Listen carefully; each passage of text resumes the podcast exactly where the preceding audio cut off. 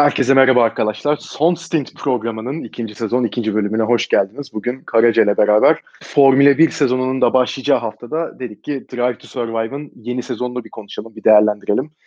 Ee, malumunuz herkesin tabii yani Formula 1 takipçileri, yani Formula 1'i çok takip etmeyen insanların bile Netflix'te e, severek izlediği bir yapım Drive to Survive. Üçüncü sezonu çıktı tabii ki geçen hafta ve e, tabii bu Drive to Survive'ın da özellikle Formula 1'in son yıllardaki popülaritesinin artmasındaki etkisinde tabii e, yatsıyamayız.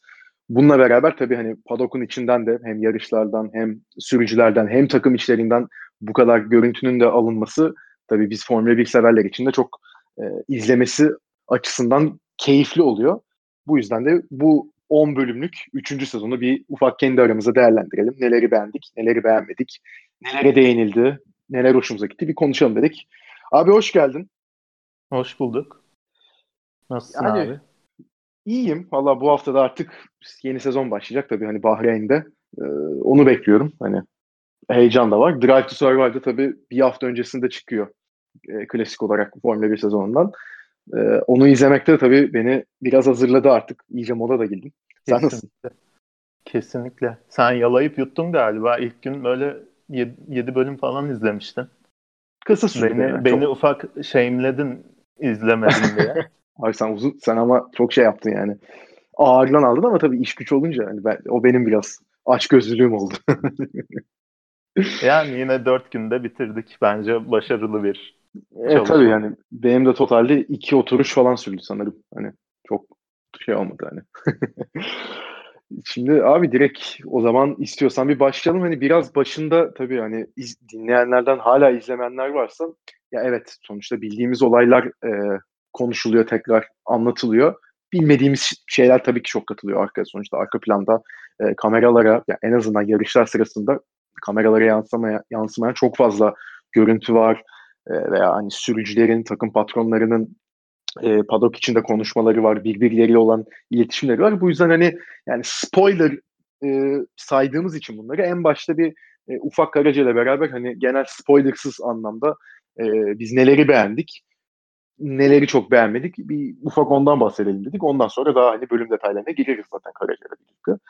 Abi ben istiyorsan bir iki ufak noktaya değineyim baştan ondan sonra da sözü sana bırakayım. Yani ben ee, zaten hani ilk sezondan itibaren hani izlerken yani mesela bu beğenmediğim kısımla başlayayım çünkü çok zaten beğenmediğim bir şey yok açıkçası bu sezonla beraber. Yani o tabii Drive to Survive'ın en çok eleştirilen noktalarından bir tanesi e, olayları fazla dramatize etmesi ki e, o hani benim de zaten izledikçe e, yani zaten yarışları da izleyen insanlar olduğumuz için fark ettiğimiz şeyler.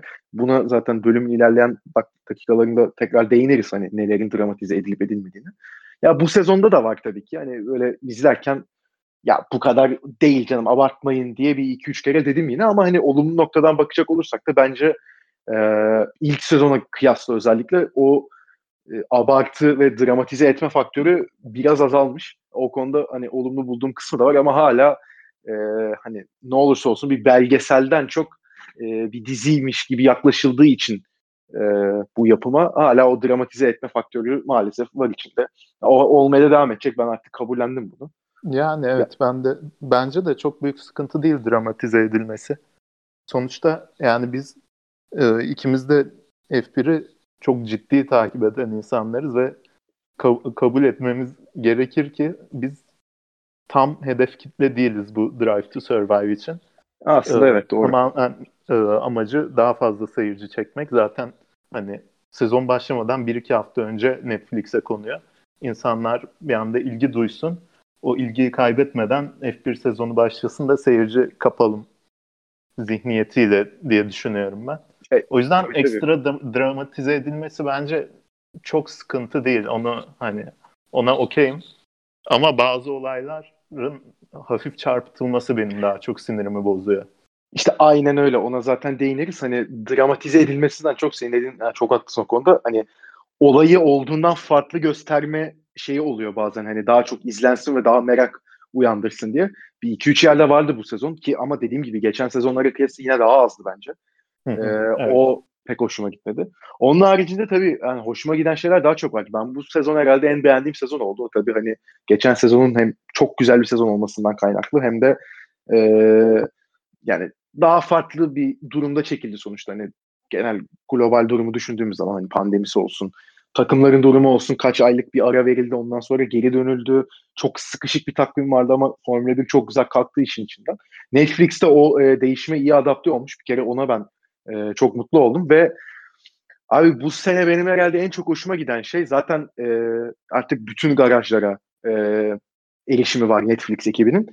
E, dağılımı hem iyi yapmışlar o konuda mutluyum ben hem de e, artık Formula 1 sürücüleri de işte takım yetkilileri de takımların içinde çalışan insanlar da yani röportajları veren kişiler de Netflix'e bayağı alışmış ve hani ilk evet. sezonlarda biraz o fark ediliyordu. Kendilerini biraz e, sansürlüyorlardı demeyeceğim ama hani biraz daha yani frene yapıyorlardı. Ha, aynen bir frene basarak konuşuyorlardı. Bu sezonki abi genel herkesin çok rahat konuşması, e, konulara çok rahat şekilde değinmeleri, yani e, aslında hat, hatta şöyle diyeyim bizim bilmediğimiz şeyleri de söylemeleri e, bu açıdan çok hoşuma gitti benim ve genel olarak e, yarışlar içinde ve sürücüler için yani sürücüler ve yarışlar odaklı gitmiş bölümler ve o konudan çok memnunum abi. O yüzden hoşuma gitti bu sezon genel olarak ve tabii ki çekimler e, her sene bence gelişiyor. E, o konuda da tebrik etmek gerekiyor Netflix'i. Senin bahsedeceğin bu tarz noktalar var mı? Ee, ben de bu iki noktada katılıyorum sana. Bir iki ekleme yapabilirim. Yani çekimler çok daha e, kapsamlı ve hani e, böyle iki dakikalık bir klip için birini gidip memleketine kadar takip edip normal hayatında ne yaptığını e, göstermişler.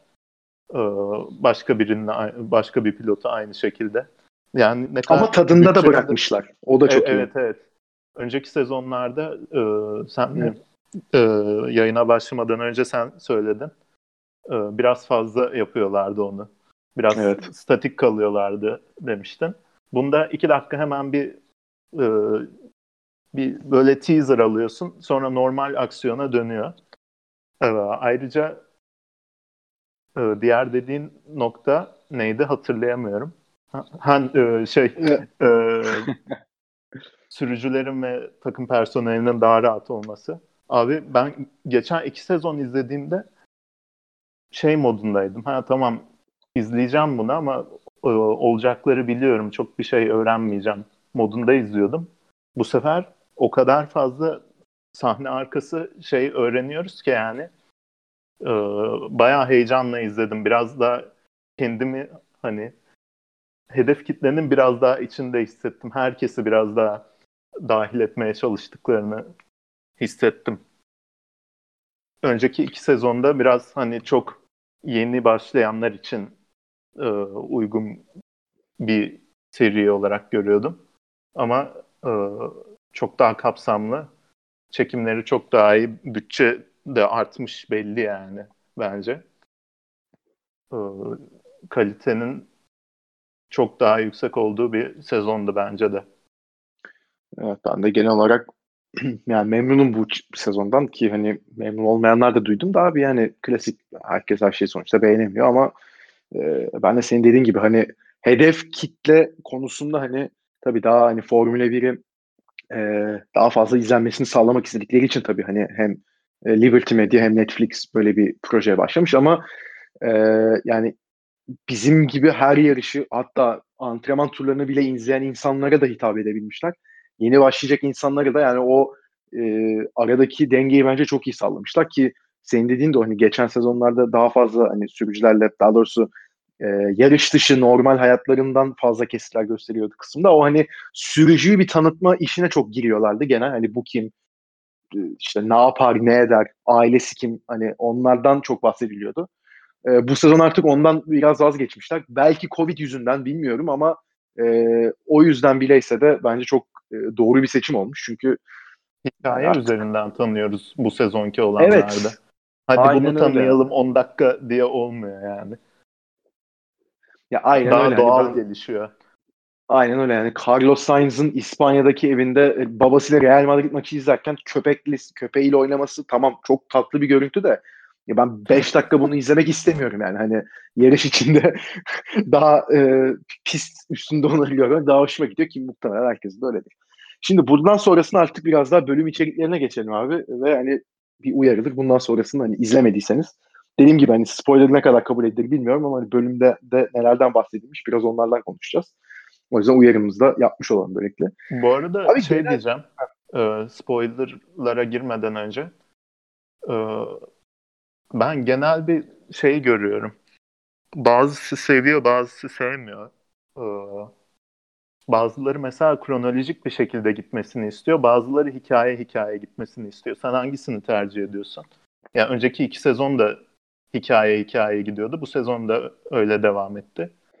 Sen nasıl bul- buluyorsun onu mesela? Ya şöyle ben normalde kronolojik olmasını isterdim. Yani genel izlediğim şeylerde hani kronolojiye önem veriyorum ben. Ama burada e, yani bu Drive to Survive özelinde kronolojik olmaması benim daha çok hoşuma gidiyor. Yani hikaye hikaye, kişi kişi gitmeleri daha hoşuma gidiyor. Çünkü abi ben sonuçta sezonun hikayesini izlemek istemiyorum. Hani sezonun hikayesini zaten biliyorum. Hani izlediğim sezonun sonuçta sezon biteli 4 ay olmuş.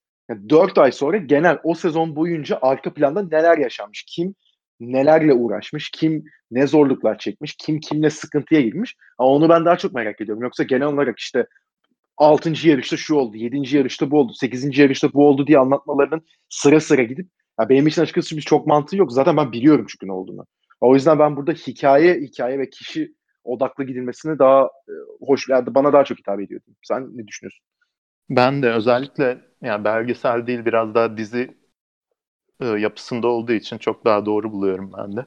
Yani aynen, aynen. 6. yarışta A hikayesinde şu oldu, B hikayesinde bu oldu, D hikayesinde bu oldu diye tek tek şey yapacağına bir bölümde bir hikayenin tamamını anlatıyor. Tabii bunu bazen takip etmek zor olabilir ama yani. bence e, ve ayrıca e, onların hani bunu yönetmesi de daha zor olabilir bence kronolojik yapmamaları durumunda. Ama yani bir hikayeyi tamamen bitirip mesela 3 ay sonra ben şu hikayeyi tekrar izlemek istiyorum desem tak diye açarım. Aynen öyle. Ee, ikinci bölümü izlerim mesela yani. O bakımdan da daha iyi bence. De ha, sonuçta her yarış bir olay olmak zorunda veya her yarışında bir hikayesi olmak zorunda pek değil abi. Geçen sene mesela İspanya yarışı var. Hiçbir hikayesi yok yani normal. Ha, beklenen İspanya'da şekilde yarış mı vardı abi ya? İşte ha, aynen düşün yani hani o yüzden o yarışın herhangi bir hikayesi yok mesela hani onu araya katmazsın zaten hani dediğim gibi her yarışta bir şey olmak zorunda da olmadığı için daha farklı farklı hani kişi bazlı gidilmesi benim e, daha çok hoşuma gidiyor. Şimdi bundan sonra abi ekleyeceğim bir şey yoksa spoiler bölüme geçiyorum artık. Aynen. Aynen. Geçelim. Abi genel ya zaten hani ben e, ya ilk bölümde tabii ki bu hani Avustralya Grand Prix tabii iptal edildi. Onu izlerken burada ben bayağı garip oldum. Hani sonuçta çok uzun bir süre öncesi değil, bir sene öncesi sadece ama hani topluluk var, millet dışarıda maskesiz, rahatça geziliyor. Bir panik havası var. Onu ben de hatırlıyorum yani. Ulan neyle uğraşıyoruz biz bu virüs nedir ne değildir bilmiyor hiç bilmediğim bir şey çünkü. Ya genel o e, milletin korku havasını yani daha doğrusu etraftakilerin bazılarının mesela Lando Norris gibi hiç umursamama tavrını falan onları güzel göstermişler. Mesela onunla başlaması aynen, genel olarak iyi muhabbeti falan dönüyor. Çok o evet. kadar uzak geldi ki bana yani. Ya aynen ya klasik o benim de hani Almanya'da özellikle yani çalıştığım ofisteki kişilerden de duyduğum aa korona iç iyi gelir esprisi yani Daniel Ricardo'dan da aynısını duymak. Ya Daniel Ricardo'dan duyunca pek şaşırmadım ama hani global bir şakaymış. Çok kötü bir şaka ama hani onu görünce de biz böyle abi sen de mi ya diye de bir tepki verdim. Aynen öyle. Bu espri hala yapılıyor muydu diye düşündüm ben de abi, sonra. Gerçekten. Bir sene evet. önceden olduğunu hatırladım. Gerçekten yani. yani onu bir ilk bölümde bence onlara değinmeleri ve hani o genel karışıklığı göstermeleri de iyi olmuş. Ya tabii ondan sonrasında bir hani 4 aylık ara var. İkinci bölüm zaten direkt e, sezonun ilk yarışı Avusturya ile başlıyor. Ve tabii abi burada şimdi sana şeyi söyleyeceğim, soracağım daha doğrusu. zaten yarışa giderken ya klasik hani bu seride en çok e, ön planda olan insanlardan biri Christian Horner. E, ilk sezonun ilk bölümünden itibaren hani Red Bull çok fazla e, erişim sağladı Netflix'e hem sürücüleriyle hem takım personeliyle. E, Christian Horner da konuşmayı çok seven bir insan zaten. Hani medyatik de bir figür hafiften. Hafiften değil. Olay adam ya. Tabii tabii.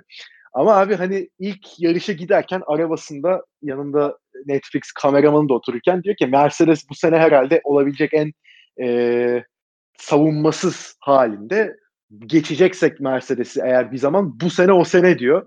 Onu duyduktan sonra hani yani bu beklentiyle gidiyor ya Christian Horner ilk yarışa. Ne düşündün abi? yani aklımdan üç kelime geçiyordu. Hınkınk aynen yani. ne, ne, neye istinaden öyle düşündü ben onu anlamadım. Das'la gelmiş Mercedes böyle. Yani senelerdir kış testlerinde asıl gücünü göstermeyen takım 2021'de ortalığı darma duman etti. Sen de bir anda ha bu sene geçebiliriz diye mi düşünüyorsun? Peki yani. Bence yani kendi zaten... de hiçbir şansları olmadığını biliyordu. Ama orada herhalde PR şeyini çok düşürmemişti daha.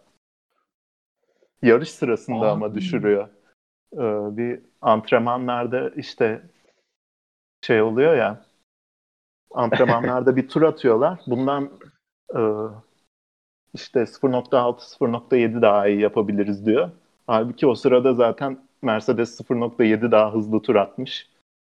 Tabii. Orada bir ha tamam şimdi durum fena şeyini yaşıyorlar, idrak ediyorlar. Onu görmek güzeldi baya. O DAS sistemini kullanırken Mercedes'in hani Christian Horner'ın ve genel arka plandakilerin zaten o bu ne ya hani ne kadar hızlılar abi hiç şeyde virajlarda süre kaybetmiyorlar. Tam tersi 0-2-0-3 bize göre kazanıyorlar. Bu nasıl bir iş ya falan diye hepsi bir aptallaşıyor ya. Hatta sonra yarış içinde Aynen. de zaten Avusturya yarışında diğer pilotlardan da şey geliyor. Yani düzlükte arkamdan bir şey geliyor diyor zaten Norris yanlış hatırlamıyorum. ya Norris ya Albon hatırlamıyorum. Hani çok hız Albon Albon Albon Salah diyor. Bir şey geliyor arkamdan diye bakıyor. Hani o bir de ilk antrenman turunda tabii iki Mercedes çıkıp tozunu atınca şeyin e, ki hani sezon başı testlerinde de zaten hızlılardı. Orada da o DAS'ı göstermişlerdi ama yani tekrar onu görmek e, ve hani daha doğrusu Red Bull garajının bu hıza gösterdiği tepkiyi e, görmek ben o hoşuma gitti baya. Bir de abi tabii o bölümde sen ona da değinmek istiyordun.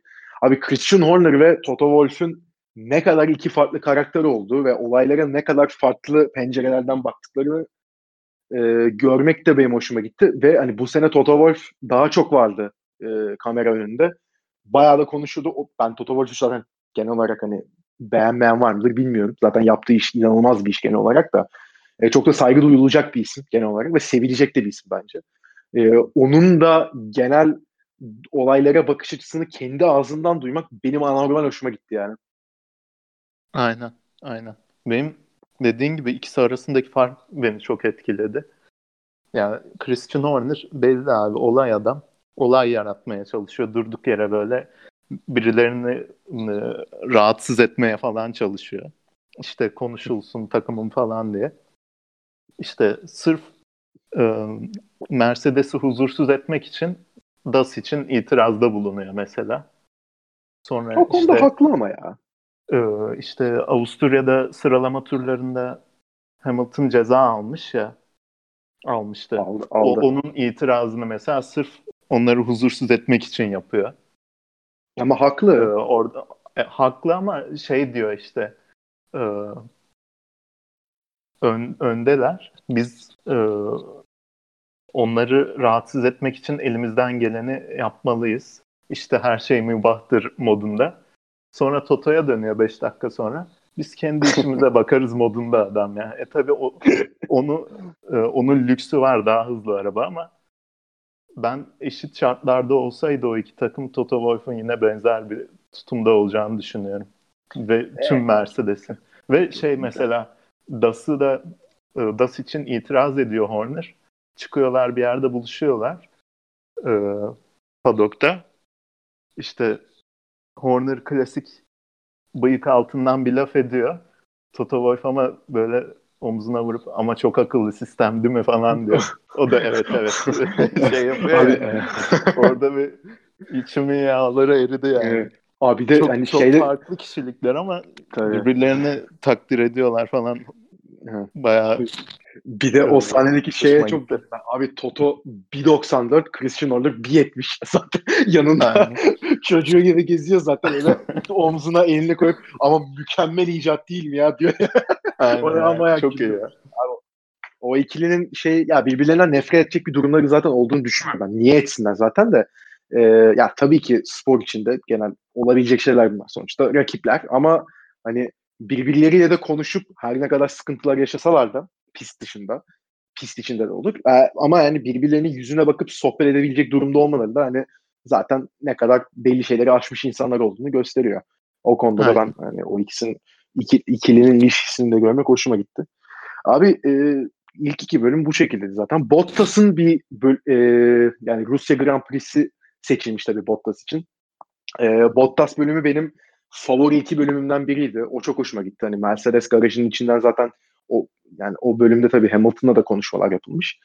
E, ya Bottas'ın kıçını da gördük tabii şeyde e, çekim sırasında. Hani ona nasıl izin vermiş onu anlayamadım yani. Hani Netflix ekibini niye savunaya sokmuş?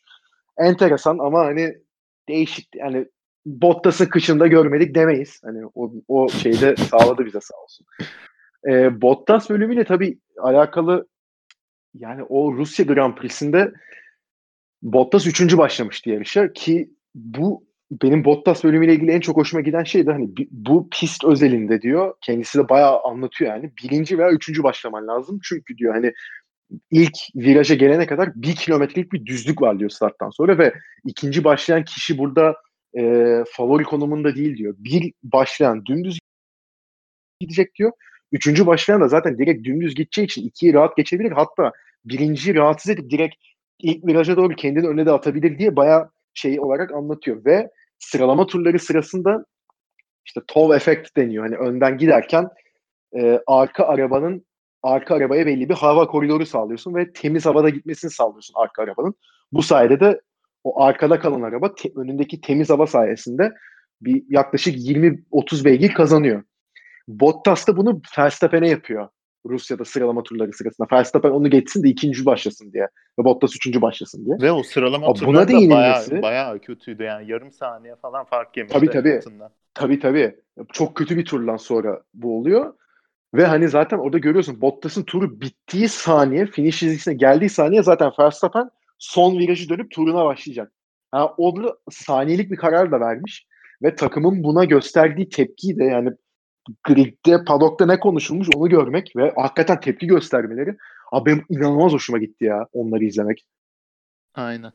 Ve ben Bottas'ın öyle şeyler hani düşünüyordur mutlaka salak değil adam da e, hani bir ajandayla o tip hareketler yapacağını hiç düşünmezdim.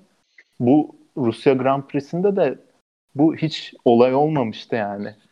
Sıralamadan evet. sonra mesela e, yarış mühendisi radyoya geliyor.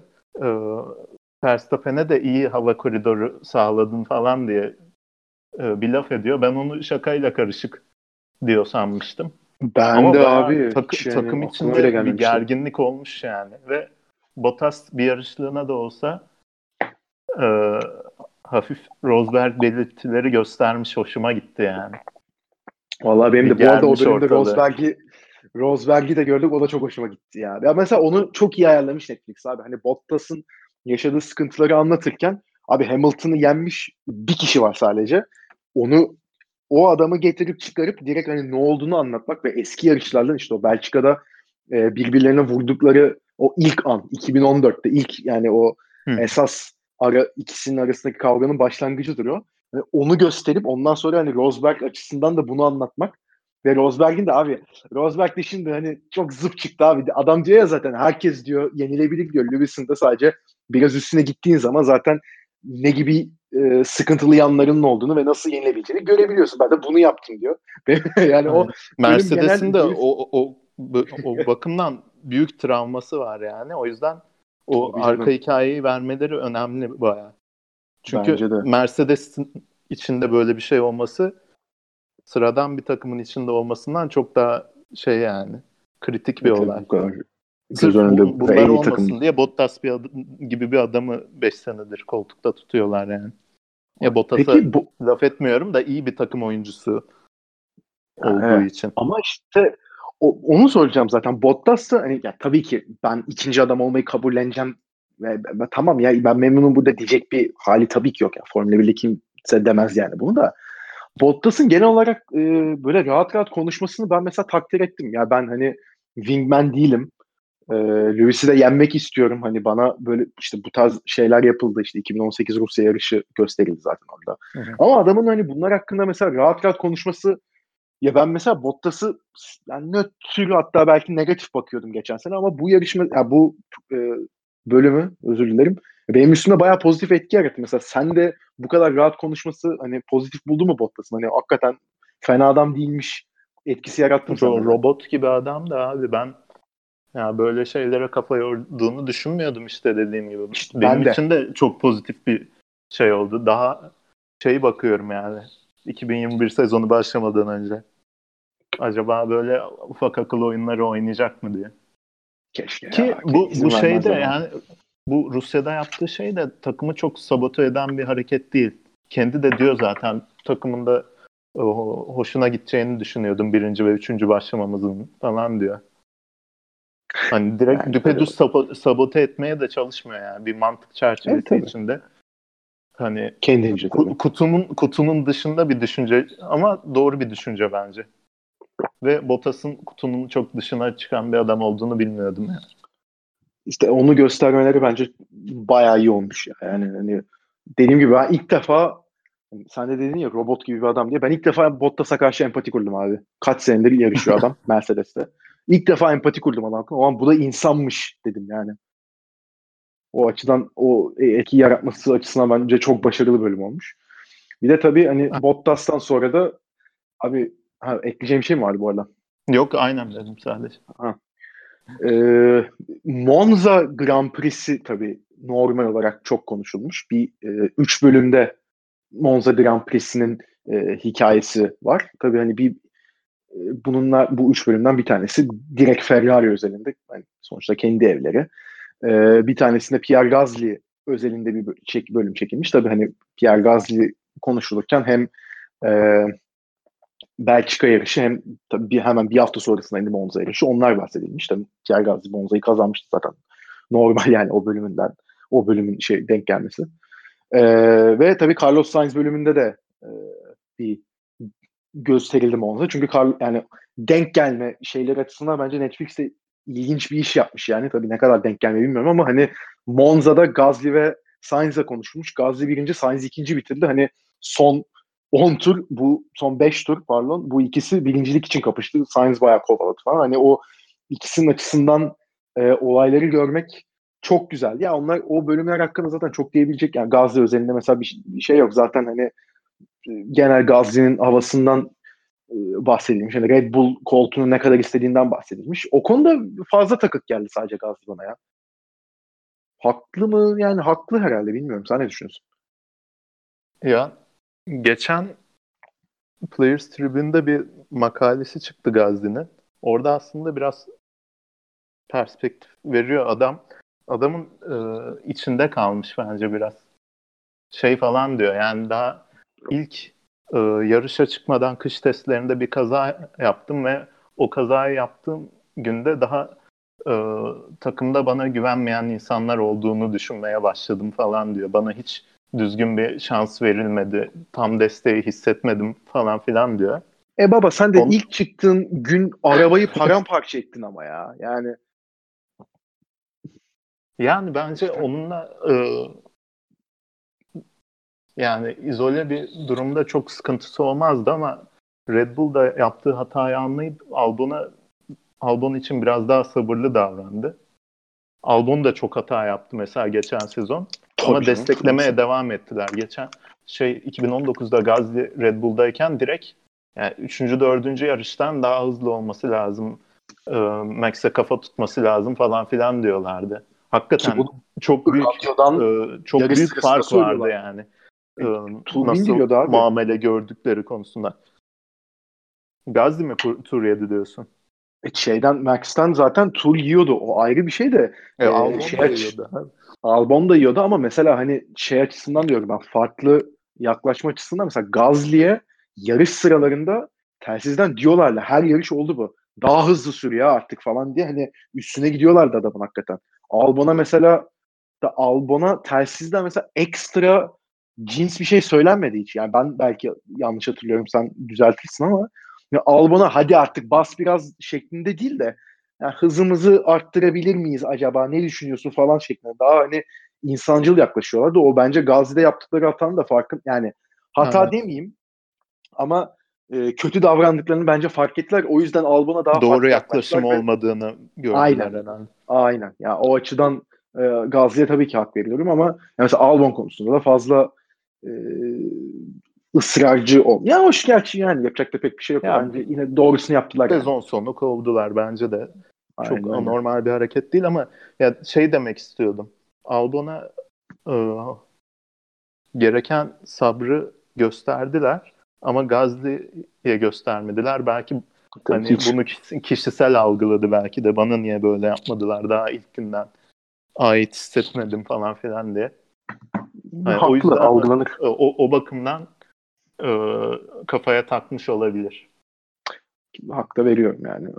E, işte bu Monza yarışında tabii hani dediğim gibi Gazi'nin genel o e, havasını falan çekmeleri. O onlar tabii hoş görüntüler yani hani bir de e, genel şimdi şeyde Belçika yarışında da bir sene önce yani 2019 Belçika yarışı tabii Gazli için belki de hani kariyerinin kendisi de zaten bundan bahsediyor. Hani en kötü anıdır belki. Hani hem o yarış Red Bull'dan e, o zamanki ismiyle Toro Rosso'ya gönderildiği yarış hem de e, o hafta sonu en yakın arkadaşını kaybediyor. Huber'i kaybediyor yani. Hani onun hakkında konuşup bir sene sonra geldiği noktayı görmek kendisinin kişisel olarak da e, gelişimini gösterme ve hani bunun da İtalya Monza'daki e, yarış galibiyetiyle taşlanmasını görmek. O hikaye açısından da onu bence güzel şey yapmışlar. Yani Monza'da evet. tabii zaten işler... bu hikayeye çok eklenecek bir şey yok kendiliğinden yani dizilik bir öyle. hikaye o yüzden. A- aynen aynen öyle. Şimdi yani Monza'da tabii bir e, başka konu daha doğrusu Monza açısın Monza özelinde işlenen tabii Sainz'dı. Ferrari'ye bundan sonra geleceğim. Bu Gazli ile Sainz'ı kısa kısa geçelim dedim. e, Sainz yani şöyle hani Sainz'la genel zaten artık Sainz'ı tanıdık. Ferrari hakkında bir tabii ki konuşulmuş. Hani kendisi klasik yani ben pişman değilim diyor. Ne diyecek zaten yani o başka ama e, benim bir tek hani Sainz'la ve genel olarak hani McLaren'le yine güzel çekimler daha hani Lando'yu biraz işin içine katmışlar. O şey iyi ama e, bunun senin de pek hoşuna gitmediğini biliyorum ki genel olarak milletin hoşuna gitmemiş. E, Lando'yla Sainz arasında bir böyle gerginlik olmuş göstermeye çalıştılar. Yani bu tabii ki hani ne kadar gerçek ne kadar değil onu pek anlamıyorsun ama yani genel olarak pist dışına da alakası zaman yoktu bence. Yani. Hiç alakası yok ve hani çok zorlamamışlar mı sence de orada? Ya çok zorlamışlar ve abi hani 2020'de 1 milyon tane olay vardı. Niye bir bölümü buna şey yapmışlar onu anlamadım. Bir sürü hikaye vardı ekleyebilecekleri.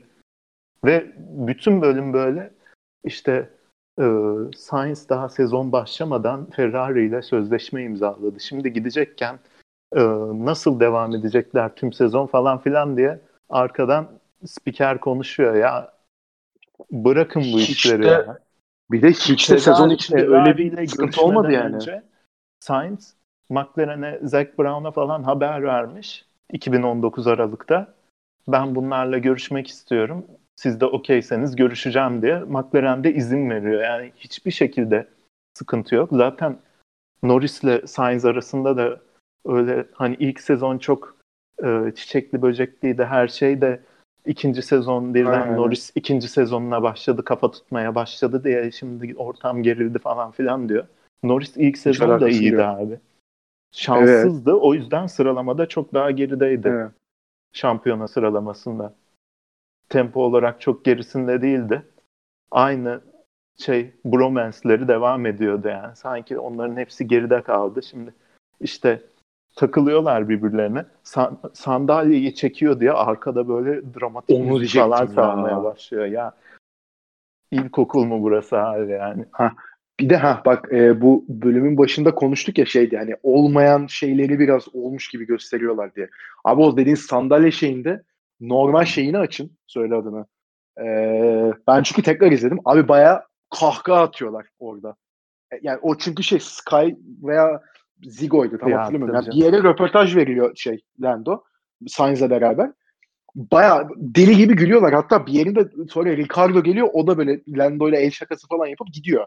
Baya kahkaha atıyorlar orada. Hiç öyle arkasına dramatik müzik koyup işte burada da gördük ki bu ikisi artık tamam çok yakınlar ama aslında en büyük rakipler falan. Yok bırakın abi bu işi.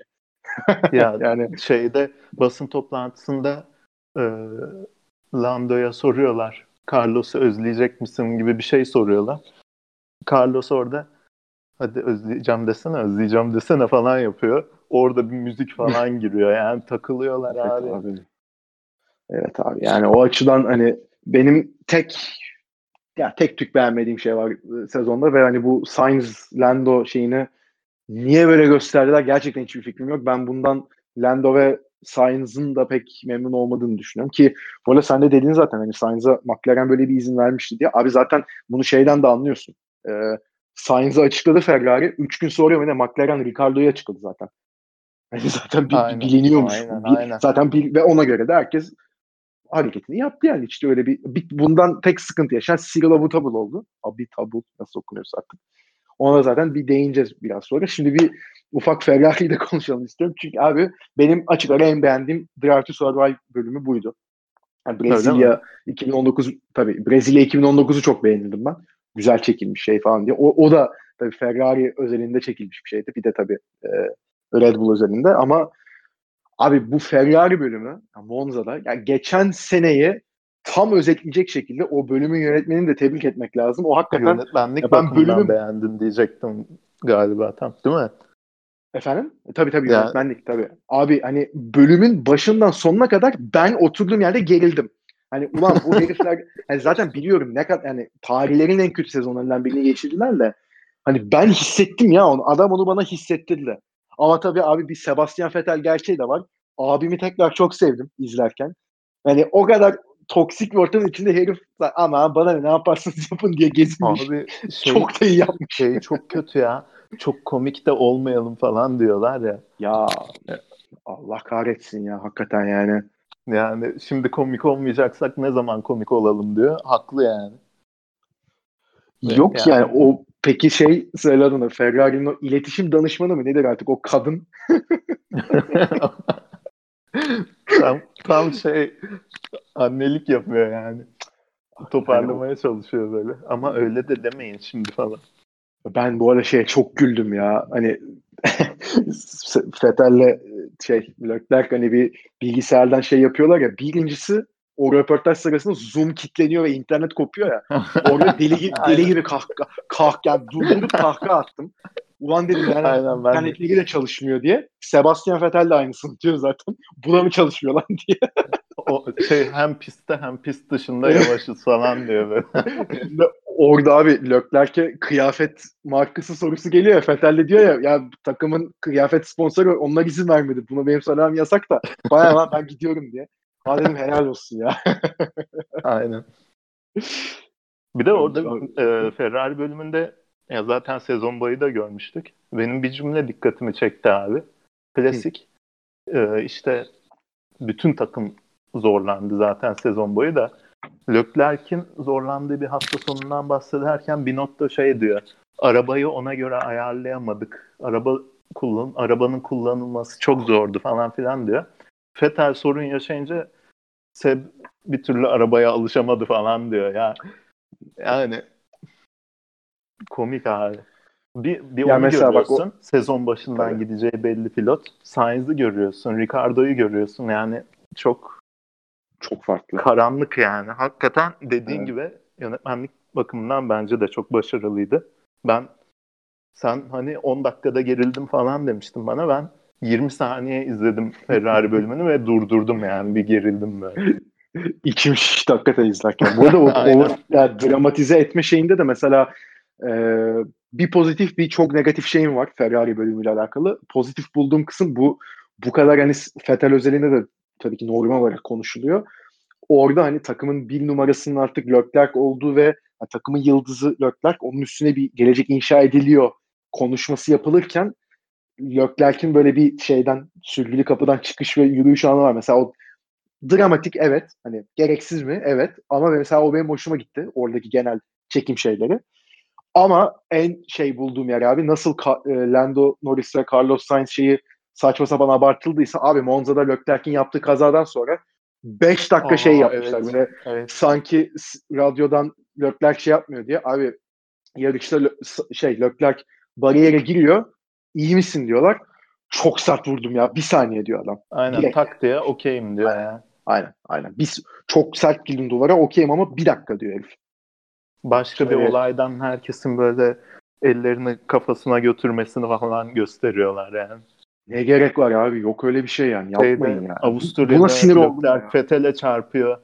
Orada da Vettel'in Evet. hani Almanya'da bariyere kendi çarpıyor da bağırıyor ya Almanca. Mein Gott Ha, ist das evet. diye. Onu Evet. falan Ha, koymuşlar abi. Üf yani. Yok o Almanca bağırdı Brezilya'dan. Yine Leclerc'le çarpışması. O bağırışı Ha, öyle mi? 2020'deki o, evet evet. Onu oraya entegre etmişler. Bak doğru sen deyince hatırladım. O yani yapmayın abi işte bu yani bilmiyorum Zaten ya. Yani o mesela dramatik abi. Şey yapmayın. evet. Zaten adamlar kendi evlerindeki Grand Prix'de biri 17. biri 13. başlamış. Biri frenleri patladığı için şeye giriyor. o kaçış alanındaki Köpüklere. köpükleri kırıyor. Diğeri kaza yapıyor. Zaten yeterince dramatik yani.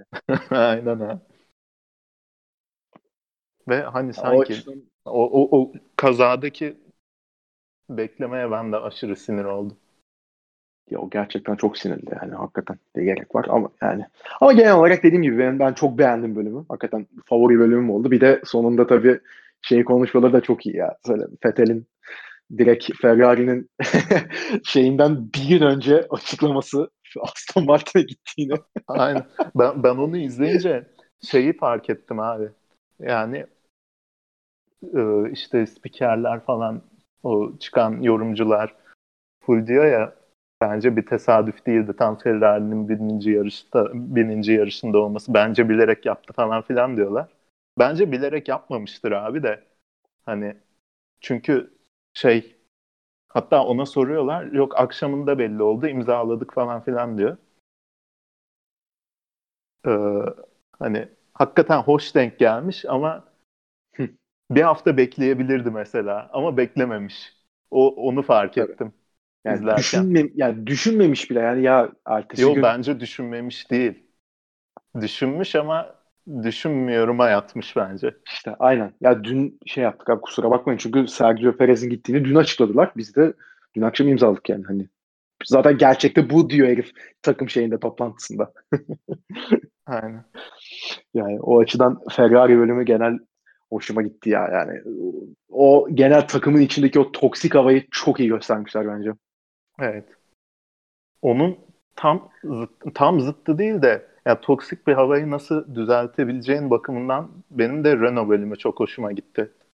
Yani Tam da sezon başlamadan önce e, Ricardo'nun McLaren'e gideceği belli oldu işte. E, domino taşları devrildi. Sainz Ferrari'ye gitti. Ricardo McLaren'e gitti. Ve hani e, sezon başlarken bu karar yeni açıklandığında Cyril Abiteboul hiçbir şekilde teşekkür içermeyen bir mesaj yayınlamıştı. İşte bizim takımımızda sadakat çok önemlidir falan diye göndermeli mesaj ya- yayınlamıştı. Bunda da diyor bölümün başlarında çok bozuldum beni bırakıp gitti bence hatalı tercih yaptı falan filan diye. Ee, ama yani bölüm ilerledikçe ve sezon ilerledikçe görüyorsun na- nasıl düzeltilebileceğini böyle bir durum. Ki hani ben çok hoşuma gitti. Zaten sezon boyunca o e, Renault'un atmosferindeki gelişimi takdir etmiştim. Geçen sene ben de kaç defa konuştuk. Onu bu, bu öylesine değerlenmiş bir şekilde görmek e, çok hoşuma gitti benim.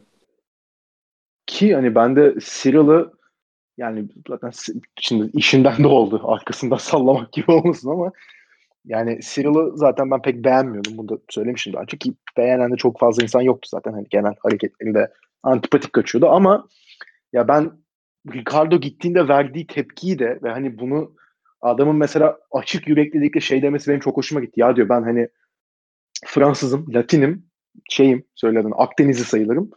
Ben bunu yani benim kişiliğim Ki bu. Kuzey ben Afrika bunu... şeyi de var galiba onun değil mi? Evet evet. Kökeni. Aynen. Aynen öyle. Diyor yani hani ben bunu benim yapım bu. Ben bunu kişisel alacağım yani ve çok üzüldüm. Hani ne yapayım diyor. Ben de buyum diyor. Ben sonuçta kaç yaşında adamın değişebilecek bir durum yok. Ha diyor tamam bu sezon birlikte olmak zorundayız. Ama diyor ben hani uzun vadeli bir şey düşünmüştüm ve beni yarı yolda bıraktı. Ben de bunu tabii ki kişisel algılayacağım. Diyor ki ben hani buna empatik yaklaştım açıkçası. Hani ben de tamam hani bizde beni bıraktı diyor. O beni çok Evet. şey yaptı.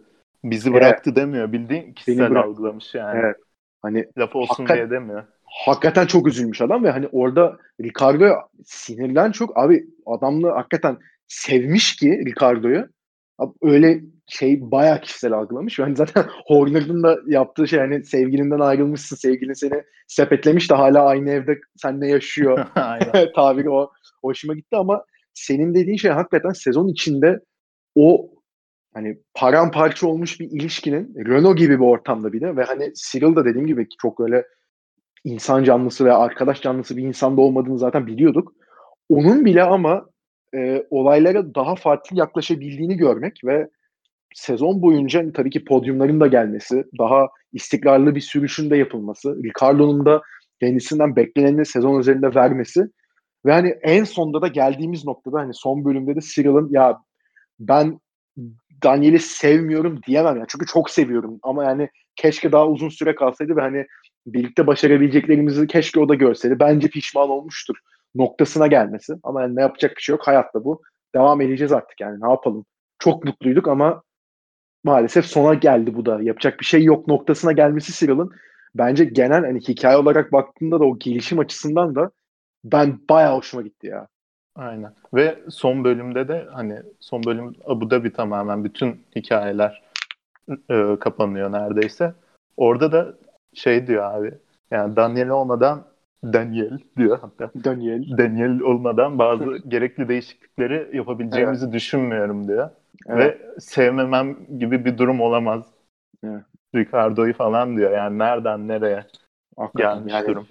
Daniel'e hakikaten Ricardo'ya e, kendi ağzından şeyi de vermesi hani o e, ya bu adam hakikaten bizim gelişimimize yardımcı oldu hani demesi bence hakikaten geldiği nokta açısından da bayağı önemli ya. Evet, Yani ben o de Cyril'i pek en sevmediğim takım e, patronuydu herhalde Formula 1'de ama bayağı takdir ettim. Geçen sezonki öyle. e, tavır değişikliğinden ve zaten Netflix'te daha da net gördük Drive to Survive'da. Aynen öyle. Gerçekten öyle. Abi bir de tabii konuşmamız gereken son bir iki şey daha var. Ondan sonra zaten kapatırız artık. E, tabii hani geçen sezonun e, olaylı takımı Racing Point'ti. Gayet normal olarak. Hem e, diğer takımların Racing Point arabasına pembe Mercedes yakıştırması sebebiyle, kendilerinin çok hızlı olması sebebiyle e, işte Perez'i kovdular, Vettel'i aldılar, Aston Martin ismine geçiş yapacaklardı. Yani her hafta zaten Racing Point ile alakalı yeni bir şey ortaya çıkıyordu. E, ya biraz da tabii hani bu sezonun ya üçüncü sezonun yıldızı gibi aslında gösterilen takım yani en azından bu dizi kısmında Racing Point olmuş en çok bahsedilen biri ki bunu ben de gayet normal karşıladım abi çünkü sene başında e, o konuyu da iyi işlemişler bence. Hani bu tabii aracın e, 2019 senesindeki Mercedes aracına olan benzerliğinden kaynaklı hızının diğer takımları ne kadar rahatsız ettiğini biliyorduk zaten ki McLaren, Renault, Williams ve Ferrari ya bu dörtlü direkt zaten e, FIA'ya gidip itirazda bulundu. Bir dava da açıldı. Racing Point'e 400 bin euro ve e, 15 puan ceza kesildi. Ya tabii Lawrence Stroll'ün e, kişisel serveti 3.2 milyar dolar. Hani 400 bin euronun pek bir şey etkilediğini düşünmüyorum ama ya mesela orada Otmar Saufner'den de bir şeyler dinlemek. Hatta Lawrence Stroll'le de bayağı bir konuşulması ve olayların genel arka planında yani onların açısından da ne olduğunu görmek. Ya çünkü sonuçta her olayda olduğu gibi bu olayda da olayın iki tarafı var. Yani bir suçlayan taraf var çok benzer. Araba yaptığınız şudur budur illegal falan diyen taraf var. E bir de bahsi geçen olaya sebep olan diğer taraf var. Yani onların açısından da dinlemek ve tabii ki onların biraz daha ön planda olması beni gayet memnun etti. Yani onları da görmek istiyordum ben ve gayet iyi bir şekilde, detaylı bir şekilde bence göstermişler. Aynen. Yani çok kolay tek taraf seçebilirlerdi. Burada bu hikayeyi anlatırken dramatikleştirmek için. İşte bir tarafı mağdur gösterebilirlerdi bilmem ne. Ama iki tarafı da göstermişler. O, orada bayağı belgesele dönüştü yani o hikayede. O çok hoşuma gitti. Ve hani seni bilmiyorum ama ben Otmar'a katılıyorum orada. Diğer takımlar e, aynısını düşünemedi diye e, o itirazda bulundu diyor. Hani iddialı bir şey ama ben hak verebiliyorum ona yani. Yani hani ya şimdi arabanın 2019 Mercedes arabasına benzediği zaten bu geç. Şimdi adam çıkıp Otmar çıkıp bir anda yok kardeşim öyle bir şey diyecek tabii ki. Hani biz de çalıştık yaptık arabayı ne anlatıyorsunuz diyecek. O başka ama mesela hani Mercedes'ten bilgi satın aldıklarını da söylemesi. Hani gayet rahat bir şekilde daha özgüvenli bir şekilde konuşması falan. Ya benim de hoşuma gitti yani. Ve tabii genel Racing Point konusunda da e, Perez'e bir bölüm ayrılması. Ve hani o Perez'in de yarış galibiyetiyle sonlandırdığı Bahreyn'e denk gelmesi ve genel hani Perez'in kendi düşüncelerini de görmek tabii hem takım hakkında hani kaç senedir bu takımda ayrılmasına ne kadar üzgün olduğunu biliyoruz. Kendisi de bundan çok bahsediyor ama hani yarış galibiyeti alınca olan o mutluluğunu görmek hani hem Racing Point hakkındaki bu daha e, diğer takımların itirazlarını da gördük ama Racing Point'in takım ve sürücüler bazında da o geldiği yüksek noktayı da görmek bayağı hoşuma gitti. Hani Perez'i de pek sevmem ama onları da bayağı güzel göstermişler ya. Aynen ve Lawrence Stroll'un o kamera karşısına geçip bir çıkış yapma videosu var ya onu zaten daha önce görmüştük de of. hani kamera arkasıyla gördük. Abi bu nasıl bir çıkıştır ya. Şey böyle şu an çok kızgınım. İşte takımımın adına benim adımı çamurda sürüyorlar da bilmem ne bir çıkışlar zaten böyle şey beyaz gömlek yakayı açmış ya Fatih Terim gibi konuşuyor hafif kızarmış falan imparator diye bağıracaktım abi onu izlerken çok gaza geldim ya. Hakikaten ya bir de hani adam yani bir değişik bir aurası da var yani etrafına hakikaten bir şey veriyor çok güçlü adam abi. Evet güçlü adam ama mesela Otmar yanında rahat davranabiliyor. Oradaki hiyerarşiyi görüyorsun ikisi arasında evet. konuşurken. Ama mesela Haas videosuna bakıyorsun. Abi hepimizin can dostu Günter Steiner her yarıştan sonra Gene Haas'ı arıyor takım sahibine. Abi işte bu yarış yine tam istediğimizi yapamadık. Lütfen para ver bize falan bu modda konuşuyor yani. Görüyorsun abi farkları. Hani otoriten olabilir ama nasıl kullandığın falan önemli yani. Haas orada Aynen, yarışa çıkın. bile gelmiyor. Şey yapıyor işte ben bu takıma daha para akıtmam falan diyor. Stroll tam tersi biz şampiyon olmak istiyoruz diyor. Hakikaten ya. Benim hedefim şampiyon yapmak bu takımı diyor.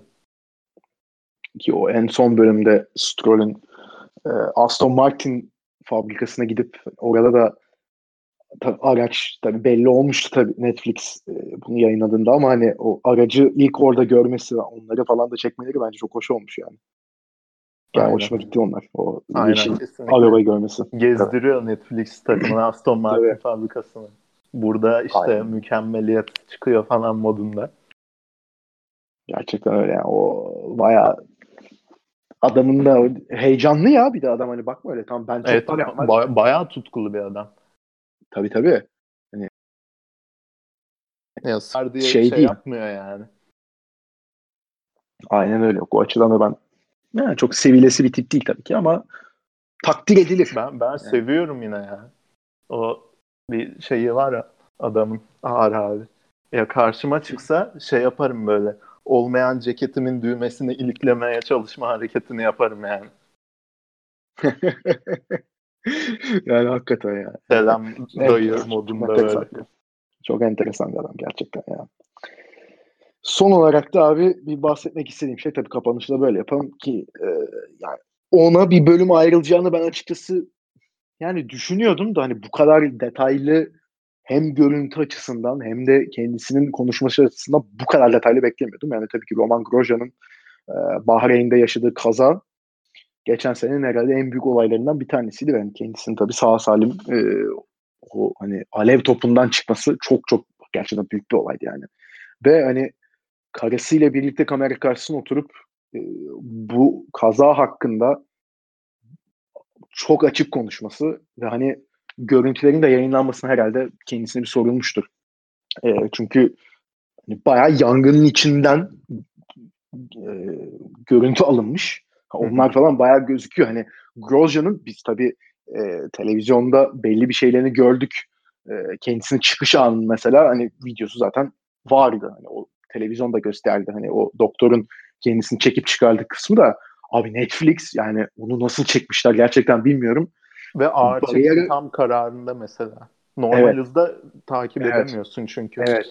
Abi Grosje'nin bariyerli sıkışık etrafına bakındığı anı çekmiş abi Netflix. Yani Aynen. Muhtemelen Grosjean hayatını kaybetse bunu yayınlamazlardı. Onu tabii ki, tahmin tabii ediyorum. Tabii. Ama hani onu görmek abi benim çok içim sıkıştı orada ya izlerken. Hakikaten yani ve kendisi de anlatıyor ya, ya diyor sağa baktım sola baktım bir şey yok. Sonra hani solumda diyor bir turunculuk var diyor ama güneş yok çünkü güneş battı. Aa bu alev dedim diyor. Nasıl çıkabilirim düşündüm sonra vazgeçtim diyor. Yani buraya kadar. Aynen ben buradan çıkamam. Evet. Falan dedim. Onu diyor sonra diyor ama hani çocuklarımın sesini duydum falan abi o çok farklı bir şey yani. Hani ben o çok güzel anlatıyor o da ama. İç, içim yani. ürperdi ya orada hakikaten yani. Şimdi konuşurken de yine tüylerim diken aynen, diken oldu. Adamın aynen, aynen benim de. Karısı da zor tutuyor tabii kendini orada şey yapmak için de. Ama en sonunda tabii hani kendisinin çıkıp ya ben diyor. Sonuçta alevlerden çıkmış ölmemiş. Adamım ya diyor. Tamam şampiyonum yok diyor. Ama ben bunun içinden çıktım ya diyor. Zaten bir böyle onu da gülüyor. Karısının da iki bir daralıyor orada. Ne diyorsun ya? falan o da iyi olmuş. Ama hakikaten Grosjean'ın da şeyini görmek orada hem bu olay hakkında rahatça konuşabildiğini görmek hem de e, artık en sonunda diyor zaten hani ben diyor evet şampiyon olmak isterdim. En hızlı arabayı kullanmak isterdim. İstikrarlı bir şekilde çok iyi sonuçlar almak isterdim ama bu mu diyor yoksa hayatta kalıp ailemle mi yaşamak ve ailemi merakta bırakmayıp kendimi de tehlikeye atmamak mı? Ben ikincisini seçiyorum artık. Kusura bakmasın kimse yani diyor. Aynen. Ya ben gelişim açısından da çok onun, önemli. Onun ona çok hani bir bölüm adanacağını düşünmüyordum tam. Ki bir bölüm adanmadı tam galiba. Bahreyn'deki iki yarışa tabii, tabii. adandı o tabii, Ee, ben uzun süre adanacağını düşünüyordum. Ama aşırı şüpheci yaklaşıyordum. Yani aşırı dramatize edecekler, böyle çirkinleşecekler falan öyle şeyler düşünüyordum. Ama tam kararında yapmışlar abi. Mesela yani Leclerc kazasında dedik bek e, ses yok duyamıyoruz falan diye. Bunda hakikaten duyamadığımız için. Hani gereksiz arttırmamışlar. Ağır çekimde işte mesela ağır çekimdeki müzik de gergin değil. Orada Tabii. E, şey süpernatürel bir şey oldu ya falan bağlıyor. İşte Carlos Sainz'ın kuzeni Act of God falan diyor ya. O arkada o çıkarken e, ağır çekimde böyle hafif şey bir müzik giriyor böyle. E, nasıl desem yani böyle ayin falan değil de yani böyle iç içini bir hoş yapan bir müzik giriyor yani. Ben orada aşırı dramatik böyle e, bir şey olacak, kesilecek, e, bütün olay saçma sapan bir şeye dönüşecek, bütünlüğü bozulacak falan diye düşünüyordum bütün kazanın. E, çok iyi derlemişler, onu, onu çok beğendim. Ve e, dediğin gibi yani Grosjean muhtemelen, muhtemelen değil mutlaka izin vermiştir. Tabii. Öyle bir şeyde o kadar fazla görüntü gösterilmesine. Zaten kaza olduğundan beri çok açık bir şekilde konuşuyor yani. Kaza konusunda. Ki, kendisi de bundan bahsetmiştir. Bir kere sorulmuştu hani sen rahatsız oluyor musun bu kadar konuşulmasından diye. O da yo ben zaten e, kaza sonrasında bir terapistle görüştüm. Hala görüşmeye devam ediyorum ki kendisinin bana dedi. Yani bu kazayı ne kadar normalleştirirsen, ne kadar fazla konuşursan, bu kaza hakkından ne kadar rahatlıkla bahsedebilirsen o kadar da kısa sürede ve daha rahat bir şekilde bunu aşarsın dedi bana. Aynen, Ben de bunu aynen. uyguluyorum. İşe de yarıyor dedi. Bunu da mesela açıkça söyleyebilmesi yani kendisinin hakikaten mental açıdan abi güçlü bir insanmış demek ki de hani o kadar kolay bir şey değil çünkü tamam evet e, alevden atıyor kendini şu bu ama hani çok e, depresif de yaklaşabilirdi hiç yani kazadan 3-4 gün sonra gidip padokta işte kendisini kurtaran e, doktora ve işte o sürücüye mesela sarılıyor. Herkesle bir Gönüllüleri buluyor, sarılıyor onlara. Evet hani şey de söyledin abi hastaneden çıkıp direkt Fransa evine dönüp iki ay ses çıkarmasa da sadece arada Instagram'a "Ha, iyiyim işte çocuklarımlayım falan diye post atsa kimse bu adam ne yapıyor, niye böyle yapıyor demezdi yani. Aynen, aynen. Ya ekstra e, Evet. şey normal yapacağından çok ekstra şeyler yaptı ve hakikaten Kesinlikle. e, pozitif bir etkisi oldu yani bütün padokta bence. Kesinlikle ve hani bunu da o bölümü gayet hani ne kadar olayları Netflix'in dramatikleştirdiğinden bahsediyorduk. Hakikaten bu olayı çok tadında, çok güzel çekmişler ve çok da güzel göstermişler. Hakikaten yaşandı, bitti. Bunlar oldu. Ee, gayet açık ve detaylı bir şekilde de göstermeleri ben hakikaten tebrik ediyorum kendilerinde. Çok Ve başarılı şey bir mesela prodüksiyon. Aynen. Mesela Act of God şeyini falan dedim. Orada işte çok hani dini bir tarafa falan da bağlayabilirlerdi yani. Evet, tabii. Ne bileyim. tabii. Ama orada da bir iki diyor. işte Günter mucizeydi falan diyor. Onun da hani suyunu çıkarmamışlar. Tam kararında bırakmışlar. Yani olduğu gibi göstermişler. Çok hoşuma gitti onun gösteriliş şekli. Evet. Bir de Günter de abi yani dilinin de biraz kemiği olur. Adam hastaneden çıkmış koşarak padoka gelmiş. Günter şey yanında karısı var. Karısı zaten diyor yani şeyde röportajda hani 2 dakika 45 saniye hiçbir şey bilmedik ve o 2 dakika 45 saniye için bizim için ölmüştü diyor. Hani ondan sonrasındaki anca gördük ve oh dedik diyor. Aynen. Günter ilk karşılaşıyor ulan biz seni öldü zannettik diyor. Şimdi abi yapma yani. Abi süper bir adam ya. İnanılmaz bir adam ya. Gerçekten yani ailenin patavatsız dayısı tam. Harbiden çok doğru tespit. İnanılmaz bir adam ya. Onun demesi ama hani kendisi tabii şok olmuş. Ondan sonra o da hani anlatıyor falan. Genel olarak güzel yapılmış ya abi. Hani e, ben bu sezondan dediğim gibi artık bölümü kapatırken de bu sezona ben beklediğimin bayağı fazlasını aldım. İşte dediğim gibi ufak de. arada 3-4 tane hani bunu niye yaptınız dediğimiz şeyler var. İşte o bir tek e, Science Lando bölümü hani olmasaydı da olurdu. Tabii kapatırken şunu da söylemek gerekiyor. İstanbul Grand Prix'sinden hiç bahsedilmemiş. E, bir tek işte Lance Stroll'le bir konuşulurken son yarışta e, işte diyor ben bundan 3 hafta önce po- pole'deydim diye bahsediyor İstanbul'dan. Zaten yarış görüntülerini göstermişler. Bir 30 saniye bile sürmüyor yani.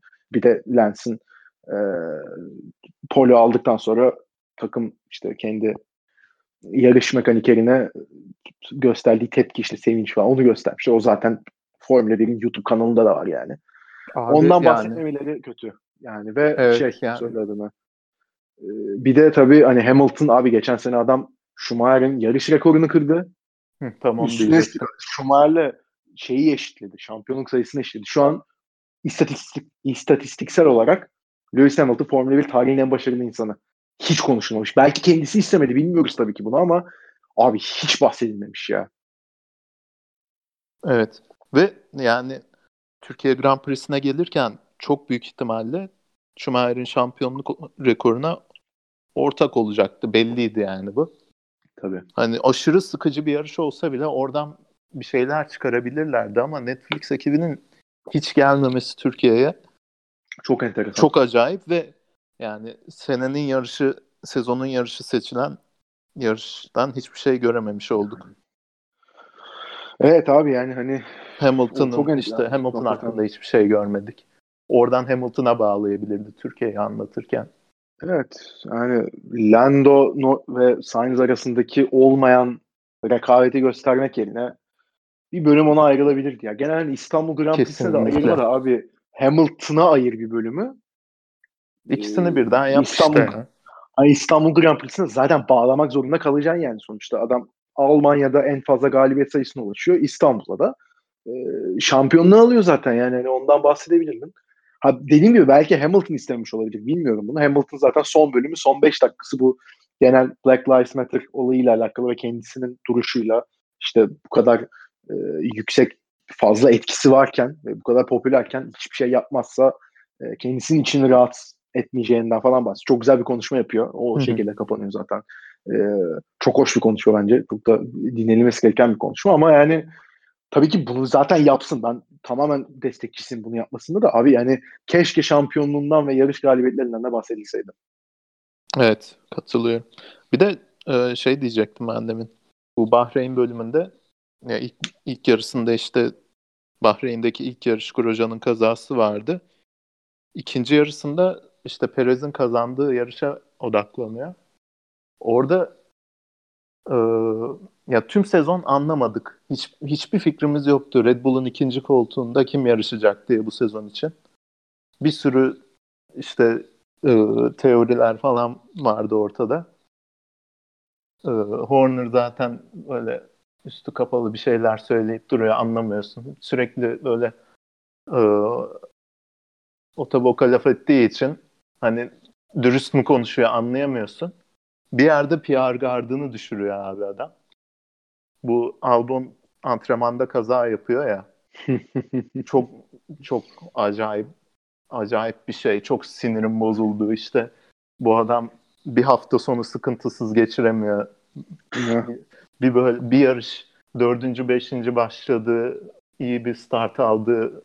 Sıkıntısız bir hafta sonu geçirdiği olmadı falan diyor. Yani onun ben e, o Red Bull'un ikinci koltuğu için dönüm noktası olduğunu anladım. Evet. O, o, o beni e, o benim bayağı hoşuma gitti. Yani hakikaten evet, bir de erteleyip durdular ya o kararı. Kim gelecek o koltuğa diye. Ya orada tamam artık Perez'i düşünmeye başladım ciddi ciddi demiş. Ve bir kaza ya indirgeniyor her şey. Gerçekten öyle. Yani ama hakikaten onu da görüyorsun yani ve tabii o bölümün sonunda muhtemelen onu sonradan çekmişler, eklemişler. Yani onu e, Bahreyn'de yaptığını zannetmiyorum ama telefonda Perez'i arayıp Perez'in telefonu açtıktan sonra Red Bull'a hoş geldin Sergio Perez demesi. Aynen. Aynen. çok Güzel İnanılmaz bir adam ya. ya. çok enteresan bir adam ya. Öyle. Abi yine daha kısa bölüm çekelim diye başlamıştık ama tabii laf lafı açınca uzuyor. Yapacak bir şey yok yani artık. Alıştık zaten yani. O yüzden yine bir saati geç ama. Neyse Drive to Survive'ın da 3. sezonunu bu şekilde e, bir değerlendirmiş olduk. İyi de oldu. Şimdi artık önümüzde sonunda artık bir gün daha bekleyeceğiz ve bugün tabii çarşamba günü çekiyoruz biz bölümü. Cuma günü artık e, antrenman seanslarıyla Formula 1'e sonunda gerçek anlamda dönüşte yapıyoruz. Haftaya olan Hazır bölümümüzde zaten sezonun ilk Grand Prix'sini konuşacağız. Abi çok hazırım. Tek bir korkum var. Bu kadar hani şey pompalanıyor. İşte aa Mercedes sıkıntılı mı? Ne oluyor? Red Bull ilk defa iyi başlıyor falan. Hani çıkıp ya ben şeyi istemiyorum. Cuma günü hani home office'te çalışacağım ama yanda şey açık olacak yani antrenman turları. Yani Cuma öğlen o, o bir de ben Hamilton'ın ikinci sırada kim varsa ondan bir buçuk saniye önde olduğunu görmek istemiyorum. Yoksa hakikaten bilgisayarı falan fıydıracağım duvara.